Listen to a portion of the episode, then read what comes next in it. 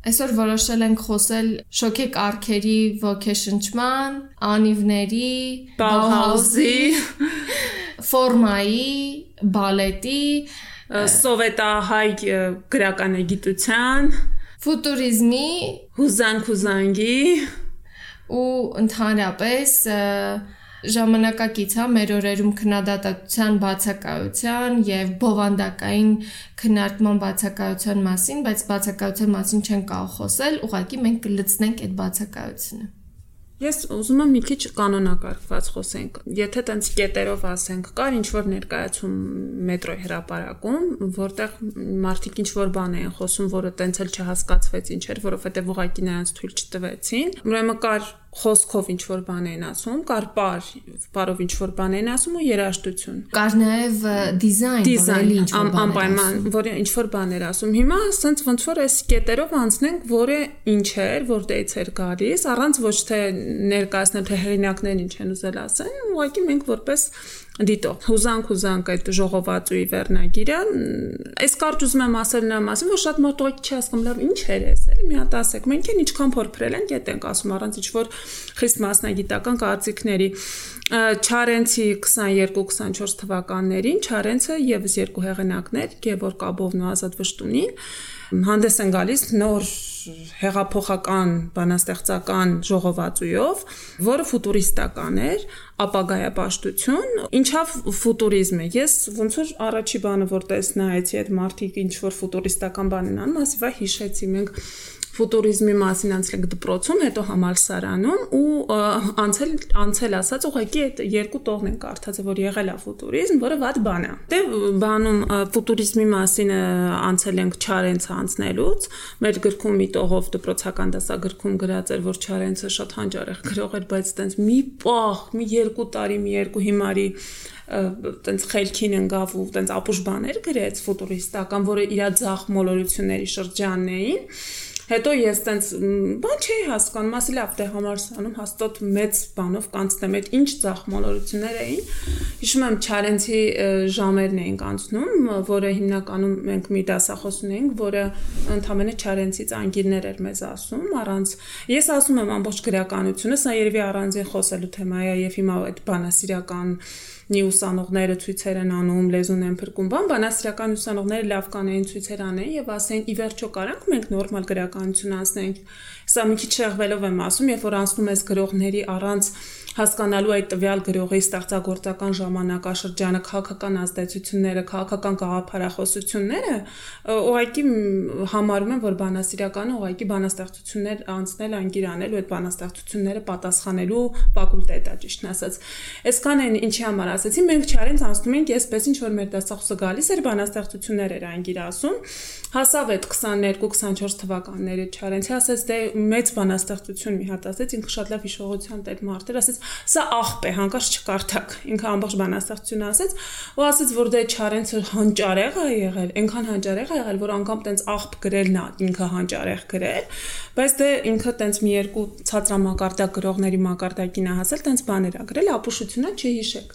Ու մենք անցել ենք նա մասին, որ ոչ միայն դրանք հիմա են բնորոշում ցածրամակարդակ, այլև այն շրջանում 22-24 թվականներին բոլորը անպատվել են այդ բանաստեղծությունները, Չարենցին ամոթանք են տվել, թե ինչի է այդ գրել։ Այս իմ ամբողջ փորձառությունն էր ֆուտուրիզմի մասին, ես ինչ որ անցել եմ դպրոցում, ինչ որ անցել եմ համալսարանում, այդքանով սահմանափակվել եմ որովհետև ես էլ այդ ժամանակ չէի հասկանում ինչ է նշանակում սովետական միություն, ինչ է ինչ գաղափարախոսություններ բերում, ինչ ժամանակաշրջանից հետո եղավ սովետական միությունը, ինչու են մարդիկ ողջևորված ֆուտուրիստական գաղափարներով, ինչ կապ ունի, ասենք հիմա մտածում եմ, հիմա եմ մտածում, ինչ կապ կարա ունենա, ասենք ֆուտուրիզմը, չգիտեմ, Bauhaus-ի հետ, որը հետագայում ես ավելի մանրամաս ուսումնասիրեցի։ Ես լսեցի աուդիո տարբերակը ներկայացման եւ ես լսեցի օրինակ այսպիսի մի բան. լամպեր էլեկտրավառ, ասես երկրի ծոցում, աստղեր, աստղեր, աստղեր, քաղաքը հուր ու հրաշք, քաղաքը հուր ու բոցում, որպես մի նոր հրաշք, շոքի, հոգի, պողպատ, պողպատ մեքենաներ, անիվ, անիվ, անիվ, անիվ, անիվ,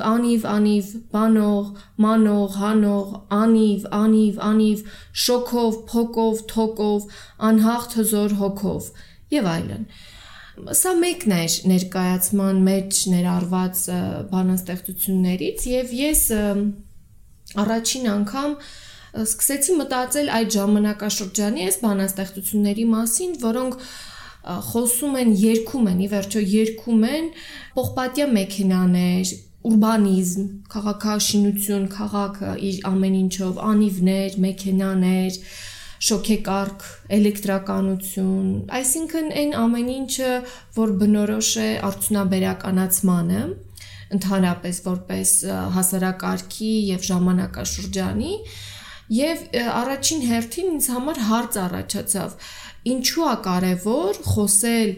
այսպիսի ուրեմն երևույթների մասին, որոնք պորտկուն էին, մի ժամանակաշրջանում, որի հետագծով մենք հիմա անցել ենք եւ ուղիղ 100 տարի անց հայտնվել ենք իսկական բնակ պահպանական կլինի, տնտեսական կլինի, կապիտալիզմի ժամանակաշրջանը կլինի, որը իհարկե այդ նույն արդյունաբերական զարգացման հետագծով է գնացել, այս ժամանակաշրջանի ճգնաժամում ենք մենք հիմա ապրում։ Այսինքն ինձ մոտ ֆուտուրիզմի մասին քննարկումները ավելի շուտ սկսվեցին այդ ներքին մտածողությունից, երբ որ ես սկսեցի բուն բանաստեղծությունները լսել եւ սկսել դրանց մեջ խորանը եւ քննարկել քեզ հետ, ընկերների հետ,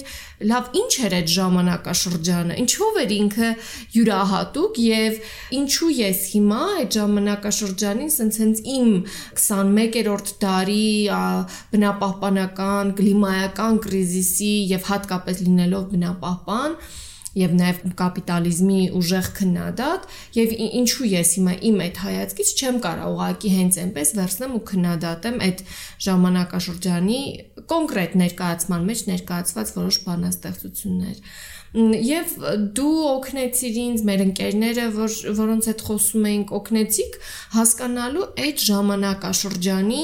բնույթը հեղափոխական ոգին ճիքը ճիքը դուրս գալու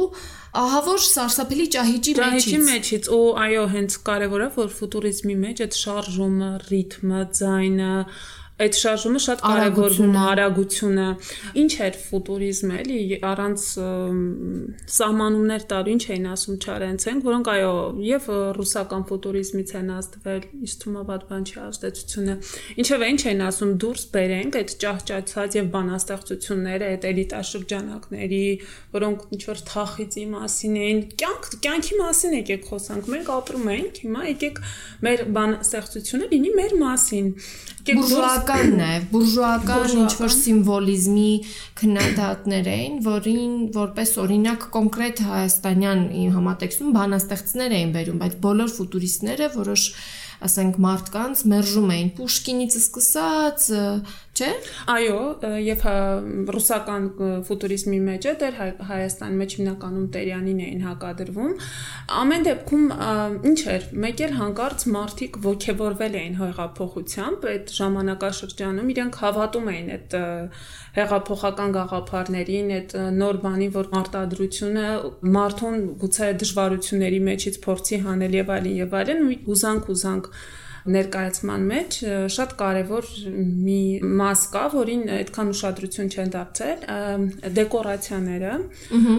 Շատ կարևոր է։ Առաջինը ես հենց դա նկատեցի հա։ միջայլոց։ Իմ մոտ դեկորացիաներից սկսվեց հետաքրքրությունը ներկայացման նկատմամբ ու այդ կապերը տարբեր ժամանակաշրջաններում։ Նկատի ունեմ այդ որ այդքան քննադատում են սատանիզմ, բան, եկեք խոսենք իրական ինչի մասին էր, այս ինչ մասեր կան,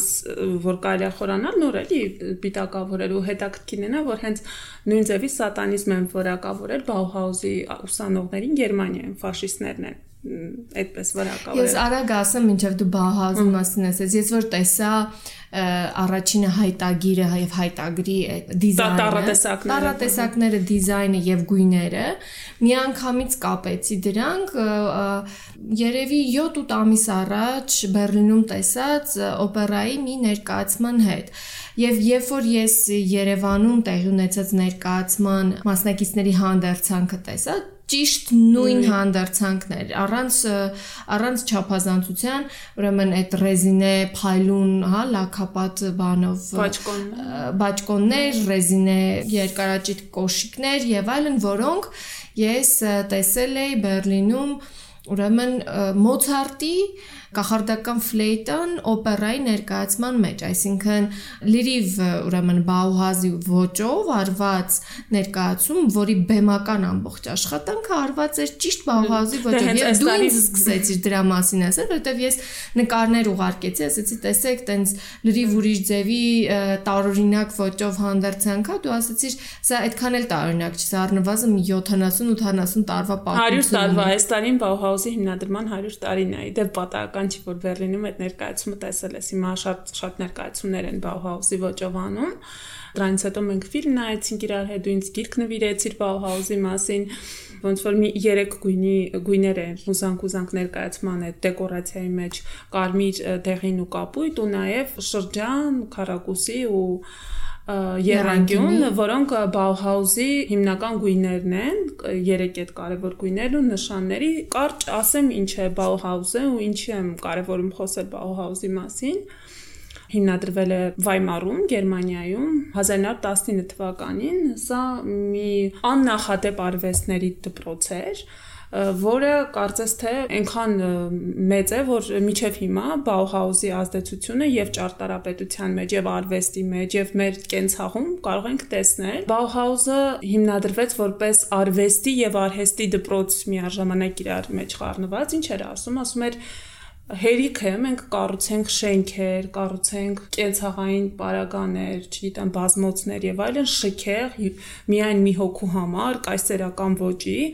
եկեք մենք այն ինչ որ սարքում ենք ֆունկցիոնալ լինի սովորական մարդու համար դա շատ հեղափոխական գաղափար էր այն ժամանակվա համար նորեր ավարտվել առաջին համաշխարհային պատերազմը եւ այլն Bauhaus-ը ճիշտ է այդքան մեծ ազդեցություն ունեցավ բայց մեծ տանջանքների գնով են այդ Gropius-ը, Klein, Kandinsky-ին պահել դպրոցը որովհետև Վայմարում այդ ժամանակ Վայմարը հետ, հետաքրքիր քաղաք է մի կողմից Գյոթե եւ այլն, կողմից Վայմարյան պետություն նկատնում ինչ որ եւ դասական մշակութային մշակույթեր մեջ կրում եւ կայսրության մայրը կայսերական պետության սիմվոլ եւ միևնույն կողմից մեկ էլ էսպիսի մի հատ դպրոց, որի ուսանողները կողքի մարդկանց կողմից Վայմարում ապրողների կողմից թիրախավորվում են որպես սատանիստներ, որովհետեւ չգիտեմ, այնտեղ նաեւ կանայք էին սովորում, կանայք գուցե կարճ կիսա շրջազգեստներ էին կրում եւ նրանց թիրախավորում էին որպես տեսեք այստեղ ով գնում է փչացած է բան բայց ասենք չգիտեմ այսօր այն շենքերը որ մենք տեսնում ենք սովետական մոդեռնիզմի եւ այդ նույնիսկ այդ ամերիկյան մեծ երկնաքերները ապակեպատ դրանք իմաստ ունեին նրանով որ փորձեին փոքր տարածքի վրա նաեւ առաջին համաշխարհային էր ավարտել նաեւ խնդիր կար մարդկանց համար ուղակի կենցաղային պայմաններով տեղեր ստեղծել որ իրենք ապրեին եւ իրենք փորձում էին շատ շատ արագ տներ կառուցել, որոնք կլինեն པարս, ֆունկցիոնալ, առանց ավելորդ ու անիմաստ ճոխությունների։ Չնայած այդքան ճնշումներին, Bauhaus-ը այդպիսի մեծ ազդեցություն է թողել ճարտարապետության մեջ, Բայց ճնշումները շարունակվեցին, դպրոցը տեղափոխվեց Դեսau, հետո Բերլին, հետո վերջնականապես փակվեց ու չնայած դրան, այնուամենայնիվ այդ ուսանողները այդպես աշխարհով մեկ սփռվեցին, նույնիսկ Իսրայելում շատ շենքեր կան, որոնք Bauhaus-ի ոճով են պատրաստված եւ այլն։ Ես այս ամբողջը պատմեցինի համար, որ այդ հուզանքի ուզանքի մեջ շատ կարեւոր ոնց որ ակնարկ էր արված Bauhaus-ին Նվարդներ Երկանյան կարծեմ դիզայնը արել Չէ։ Հա, դու կարծեմ ասացիր, ես ուշադիր չէի ու հետաքրքիր էր Պարուհիներից Հասմիկը, որը Պարը բեմադրել էր։ Մի քանի ամիս առաջ մենք միասին մի հատ դասընթացի ենք մասնակցում ու հիմա հասկանում եմ, վայ Հասմիկը ուրեմն հատուկ էր եկել այս դասընթացին Bauhaus-ի կանայք Հաուրամյակի հետ կապված, Bauhaus-ի Հաուրամյակի հետ կապված գերմանացի կին հետազոտողներ էին եկել Հայաստան, սեմինարը հիմնականում Bauhaus-ի կանանց էր նվիրված դա ուրիշ թեմա է արվեստագետների աշխատանքները եւ այլն եւ այլն այդ ուրիշ թեմա են առումով որ չնայած Bauhaus-ի նման առաջատար առաջադեմ դպրոցում էլ կանայք նորից շատ արհամարված վիճակում են ամեն դեպքում եղել, չնայած այն ժամանակվա մարտ 19 թվին կանայք կարողանում էին գնալ սովորել արվեստների դպրոցում, բայց դա ուրիշ թեմա է, այսինքն կանանց չէին թողնում ավելի ուրիշ ձևի արվեստներին դիապետել, ասում են դուք հիմնական գորգագործության բան զբաղվեք։ Դրա մասին չեմ ուզում անդրադառնալ, ուզում եմ ասեմ նույնիսկ Bauhaus-ում կար խնդիրը կանանց հետ կապված, որ կանանց քիչ տեղ են տվել ու այդ բանը որ ասեցիր ուղարկեցիր այդ կոստյումները Bauhaus-ը տարբեր բաժիններ ուներ եւ ճարտարապետություն եւ կենցաղային պարագաների ստեղծում եւ կա նաեւ բալետը թատրոն ու բալետ ու որի այդ շորերը հենց Bauhaus-ի ուսանողներն էին բանանում որը շատ տարօրինակ ու սատանայիստական շորեր էին ասենք չգիտեմ ուսանողները sense մեծ ինչ-որ փուչիկի նմանվող տարբեր ֆիգուրներ էին ստեղծում ամեն դեպքում ավանդույթ կա էլի այս այն ինչ-որ իրանք ստեղծել են այս հուզման կուզանքի ժամանակ ակնարկեր եւ ֆուտուրիզմին եւ Bauhaus-ին բայց առավել եւս հենց բովանդակությանը ես այդպես եմ հասկանում բովանդակությանը եւ արվեստի հա Bauhaus-ի արվեստի հայտագրին եւ ֆուտուրիստական այդ պոետների հայտագրին այն է ջնջել նախկինը եւ կերտել նորը, որը միտված է ապագային, չէ։ Եվ օրինակ այստեղ ասենք 19 թվականը հիշատակեցիր որպես համաշխարհային պատերազմների հաջորդող ժամանակաշրջան եւ բնականաբար մարդկանց մոտ այդ ուժեղ մղումը կար ջնջելու այդպիսի պատմությունը։ Եվ հիմա ընթերցեմ մի ուղակի տող վշտունուց, ասում է ուր է աշխարհը հիմա, մուր է աշխարհը հիմա, հուզանք ու զանգ է հիմա, հուր է աշխարհը հիմա, զանգար արագ ավելի, զանգար արագ ավելի, թևիտ ուշ տուր, զանգը տուր, սևին գուժ տուր, զանգը տուր։ Այսինքն հին աշխարհը եւ սև աշխարհը եւ այստեղ էլի շատ տարբեր շերտեր կան, դա կլինի գլոբալ իմաստով եվրոպական աշխարհը դա կլինի հայկական լեռնաշխարհը տարբեր պետությունները կամ տարածքները որտեղ ապրում էր ժողովուրդը եւ բնականաբար նաեւ եղեռնի հաջորդած ժամանակը այո սև մուր աշխարհին գուժ տալու զանգով եւ այդպիսի մեծ ճիչով վերջ տալու եւ նոր ապագա եւ լուսավոր ապագա եւ այդ արևին միտված ապագա ստեղծելու հայտագիր էր այս ամեն ինչը եւ չով եմ սա կարեւորում, որովհետեւ ինձ թվում է, որ այս բովանդակությունը ներկայացման իմաստը նաև եկել է Հայաստանյան 2019 թվականը լրացնելու կամ լցնելու բովանդակությամբ լցնելու, որովհետև մենք նույնպես 18-ին ունեցանք հեղափոխություն, որի նպատակը այո վերջ դնելն էր, մերժելն էր նախկինը, մերժելն էր հինն էր։ Այո, կոռուպցիան, թալանը, ավազակությունը, ուրեմն ժողովրդի կողոպուտը, կեղեքումը, տնտեսական այդ կարգը ի վերջո։ Դրան վերջ տալու մի մեծ պորտկում էր եւ այդ մեծ պորտկումը ես հնչյունների, տեմպի, արագության եւ ֆորմայի իմաստով շատ լավ տեսնում եմ ներկայացման իր բոլոր այդ շերտերում Ես տեսնում եմ այդ հնչյունները։ Հիշում ես, ասենք այդ նույն փողոցները փակելը, այդ տեմպը, որը դրված էր շարժման մեջ 18 թվականի մայիսին հատկապես Երևանում, հա, դրված շարժման մեջ։ Ռիթմը շատ կարևոր էր, այո։ Արագությունը, ռիթմը եւ նաեւ այդ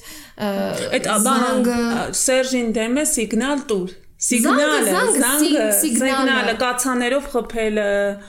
պողպատեր կամ երկաթեր կամ ճմանուչեր, որոնք նմանակում են դղրդյունը հեղափոխական այդ բանը դու զգում ես այդ հեղափոխության ժամանակ ու մեկ էլ հանկարծ դա դառնում է ինչ-որ սատանիստական բան, բայց շատ կարևոր է խոսել նրա մասին, թե ինչ խմբեր են այս քննա դատում։ Ըստ էության նույնց եմ կրկնում, բովանդակային ոչ մի քննարկում չեղավ, ասենք, եթե ինչ-որ բովանդակային քննարկում լիներ, չգիտեմ, ֆուտուրիզմի, Bauhaus-ի, որովհետև էլի է, եւ ֆուտուրիզմի եւ Bauhaus-ը հետագայում շատ առողջ քննադատությունների են ենթարկվել, որը շատ հասկանալ է, որտեղ ժամանակներ են քննադատվել, հա, իրար մեջ են քննադատվել։ Դες ասում են նույնպես Bauhaus-ը, որը, չգիտեմ, ամենաառաջադեմ բանն էր, տարիներ հետո ուսումնասիրողներ ուսումնասիրում են, ասենք, չգիտեմ, կանանց դերի հետ կապված շատ լավ է, նկատեմ դա միայն օգուտ է բերում այդ ուսումնասիրությունները, բայց հիմա չկա ոչ մի բովանդակային քննարկում ու ովքեր են քննադատում, ասենք, չգիտեմ, ես կարդում եմ քննադատություններ իմ դասախոսներից, բանասիրականի։ Ես միայն քննադատություններ տեսա, բայց այսպես ջնջող, այսինքն եւ կներես նույնիսկ նույն տեքստը տարբեր տեղեր արտատպված, տարբեր մարդկանց անուններով, որ ինձ համար շատ զարմանալի էր, նույնիսկ ամոթալի կլինի այդ մարդկանց համար, որ այո, իրանք ոչ թե նոր միտք են արտադրել, բայց ոչ թե քննադատում էին նույնիսկ ֆուտուրիզմը, այլ պարզապես ասում էին, «Էս ինչ էր, որ մի հատ էլ փորձում եք վերհառնել»։ Ամաչելու էլ է դա անգամ քննարկել էլի, էս ինչ սիբիլա։ Ու առանց իրանք նենցա ոնց որ իրանք ասում են, հա դե ինչ է, բան իսկ չեն ասում, իսկ ինչ է։ Իսկ ինչ է։ Իսկ ինչ է։ Դուք հասկանում եք ինչ է։ Ինչ է նշանակում։ Դարփիններ ենք մենք, տիտան ենք իմի, արփիներ ենք մենք, հզոր ենք իմի։ Ինչ է դա նշանակում։ Դա ինչ բժամանակ։ Դա չես կարող հասկանալ առանց ժամանակաշրջանի մեջ տեղավորելու, հասկանալու այդ հեղափոխական Իսկ ինչի մենք այդ աղջիկներին չենք լսել։ Ինչի մենք այդ աղջիկներին ցույց չենք տվել արտասանել այս ամեն ինչը։ Ասում են շան նման հաչում ու ոռնում են։ Դա շատ կարևոր է։ Ինչի համար բեկեր հանկարծ դու պերֆորմանսի մեջ պերֆորմանս տեղի ունեցա։ Ու շատ շատ հրաշալի էին իրականում իրան կարը, որտեվ իրանց ուղակի կտրեցին, իրանց այդ էլեկտրալարերը կտրեցին ու իրանք սկսեցին արտաբերել, նմանակել այն, ինչ որ այդ ճակերտներում հայրենասեր, ազգայնական, չգիտեմ ինչ այդ ուժերը սկսեցին ասել ու ոնց որ միանգամից այդ էլ իրանք եկել էին ու եսի ինչ օրեր հակած հաչում էին, բայց այդ ամբողջը ձայներ էին տարօրինակ հանում, տաղարվես չկար։ Իրենք իրենք ձայներ չէին հանում պարզապես, իրենք նմանակում էին իրենց խանգարած մարդկանց եւ իսկապես այդ նույն ձա հու բու վու այդ բոլոր ձայները, որոնք այնտեղ հավաքված ամբողը սևազգեստ հիմնականում տենց ինչ որ անհասկանալի արտակինով շատ ագրեսիվ շատ ագրեսիվ արտակինն էլ է կարևոր ագրեսիվ արտակինով եւ ագրեսիվ պահվածքով հիմնականում տղաները ուրեմն որպես ամբողջ ամբողջային վարկագծով անում էին ուղակի պերֆորմանսի ընթացքում, ներկայացման ընթացքում պերֆորմատիվ ձևով իրանց յետ շպրտվեց, իրանց երեսին երթ շպրտվեց եւ Մարդիկ մտածեցին դա էր ներկայացումը։ Այդ քո ասած ամբողջին ի պաշտպանություն մեկ էլ եկավ ինտելեկտուալ մասան, որը ինտելեկտուալ դիրքեր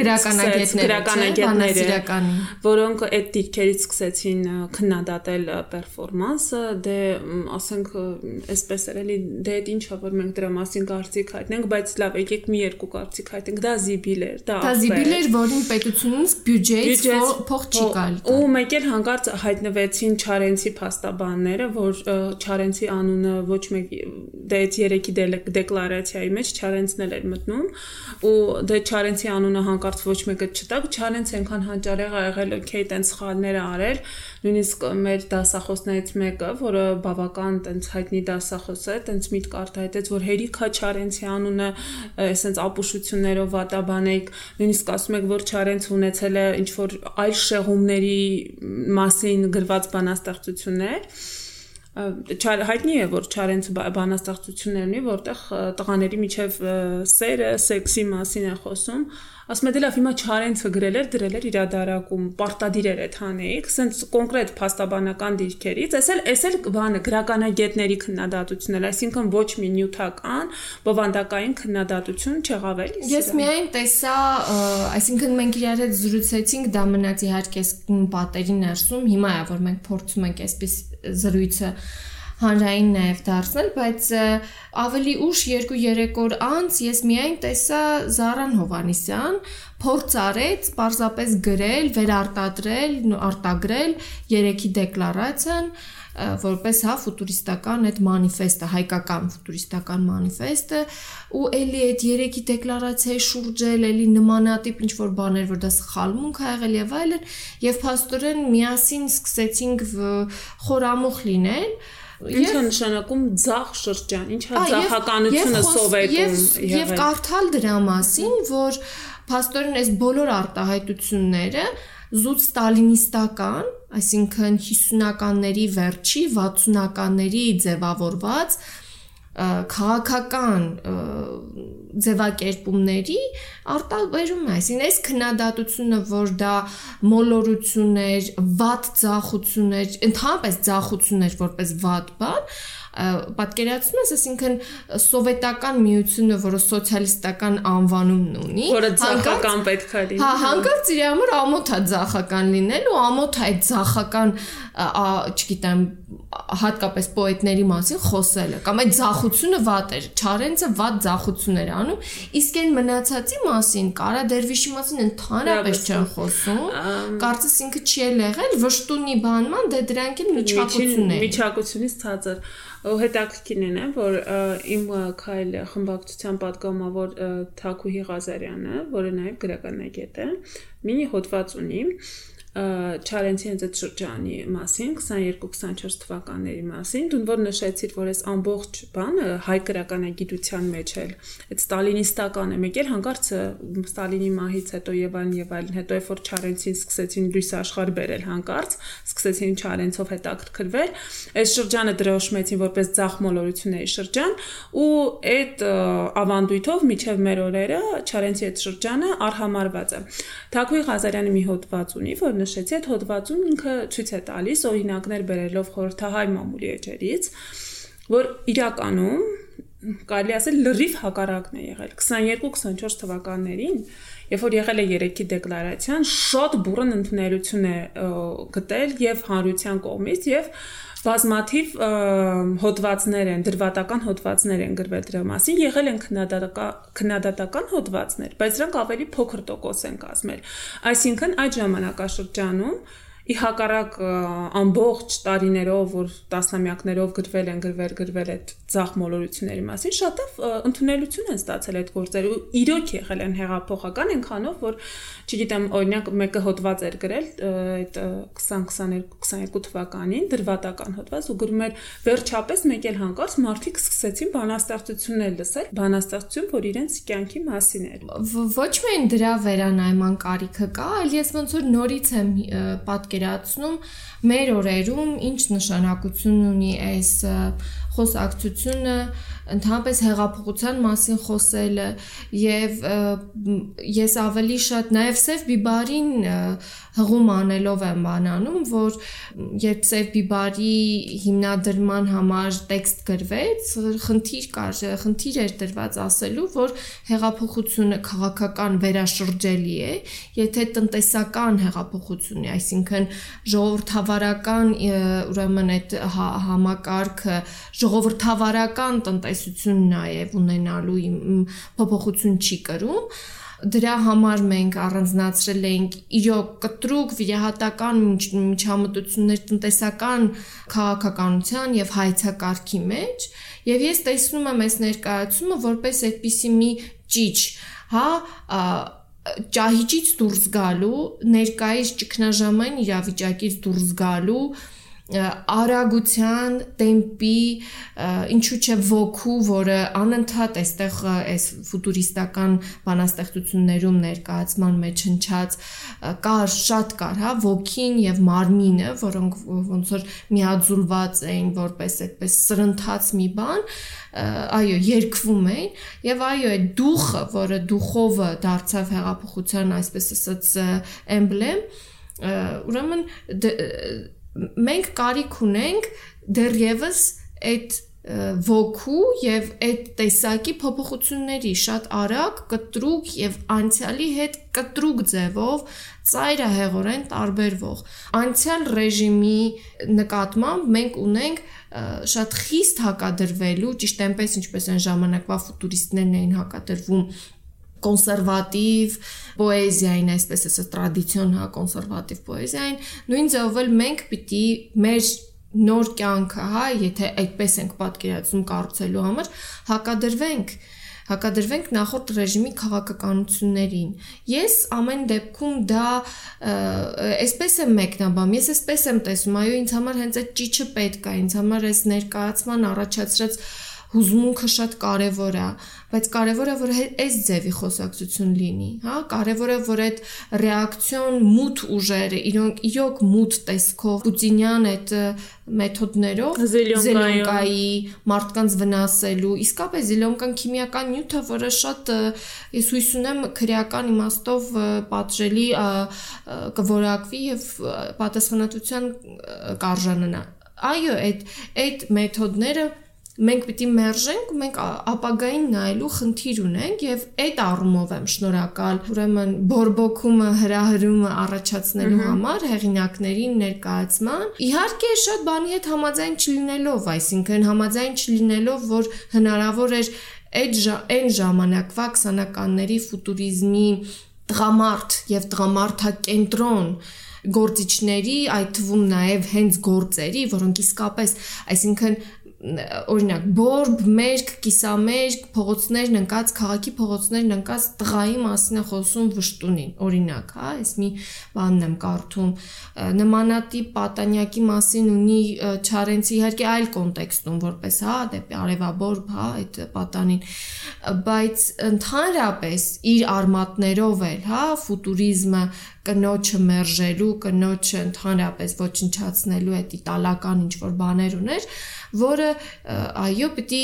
քննադատեին ներկայացման հեղինակներ եւ միգուցե իրանք փորձել են դա անել, հա։ որը ինձ հասու չի դարձվել ասենք նրանով որ իրանք կանայք լինելով դա ուզել են ներկայացնել իրենց միջոցով, հա գուցե իրոք ուզել են դա գուցե իսկապես հա։ ուզել են ցույց տալ, որ ֆուտուրիզմի մեջ կար կանանց ազատագրման խնդիր, որը իսկապես դնում դրա մեջ, որտեվ կա այդ բանը, որովհետեվ նենց չի որ ուղղակի իրանք վերարտադրում են այդ իրանք հեղինակային միջամտություն կա Լիլիթ Պետրոսյանի հեղինակային միջամտությունը կա,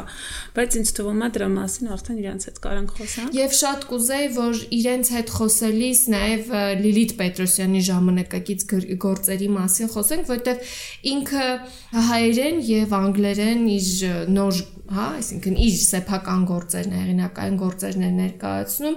այնտեղ ինձ շատ դուր եկավ մի բան անգլերեն իր ասացներից մեկում,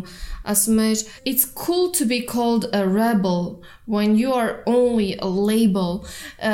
ինքը իհարկե խոսում էր ըմբոստության, հեղափոխական ըմբոստի մասին եւ ընդհանրապես ըմբոստանալու, հա, որպես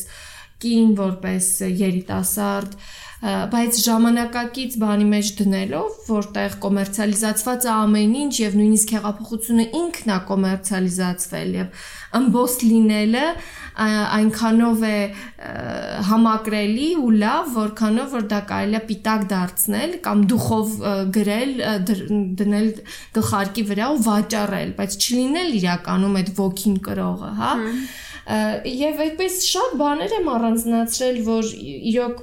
իմ մոտ միտք է հարուցել կամ ուշադրությունը սա գրավել, բայց երևի առանձին էլի բանի կարիք կլինի ու ես ուղակի հիմա շատ ողջավորված եմ, որ վերջապես հնարավոր եղավ ըստ բովանդակության խոսել եւ միգուցե հնարավոր կլինի նաեւ էլի շարունակել բովանդակային առումով ոչ միայն ուղակի վերհանել ինչ էր իրենց ասելիքը, այլ նաև քննադատել։ Ինչու էին իրենք այդպես որոշել։ Աշտարակի բարձր կտուր ու զանգը տուր, զանգը տուր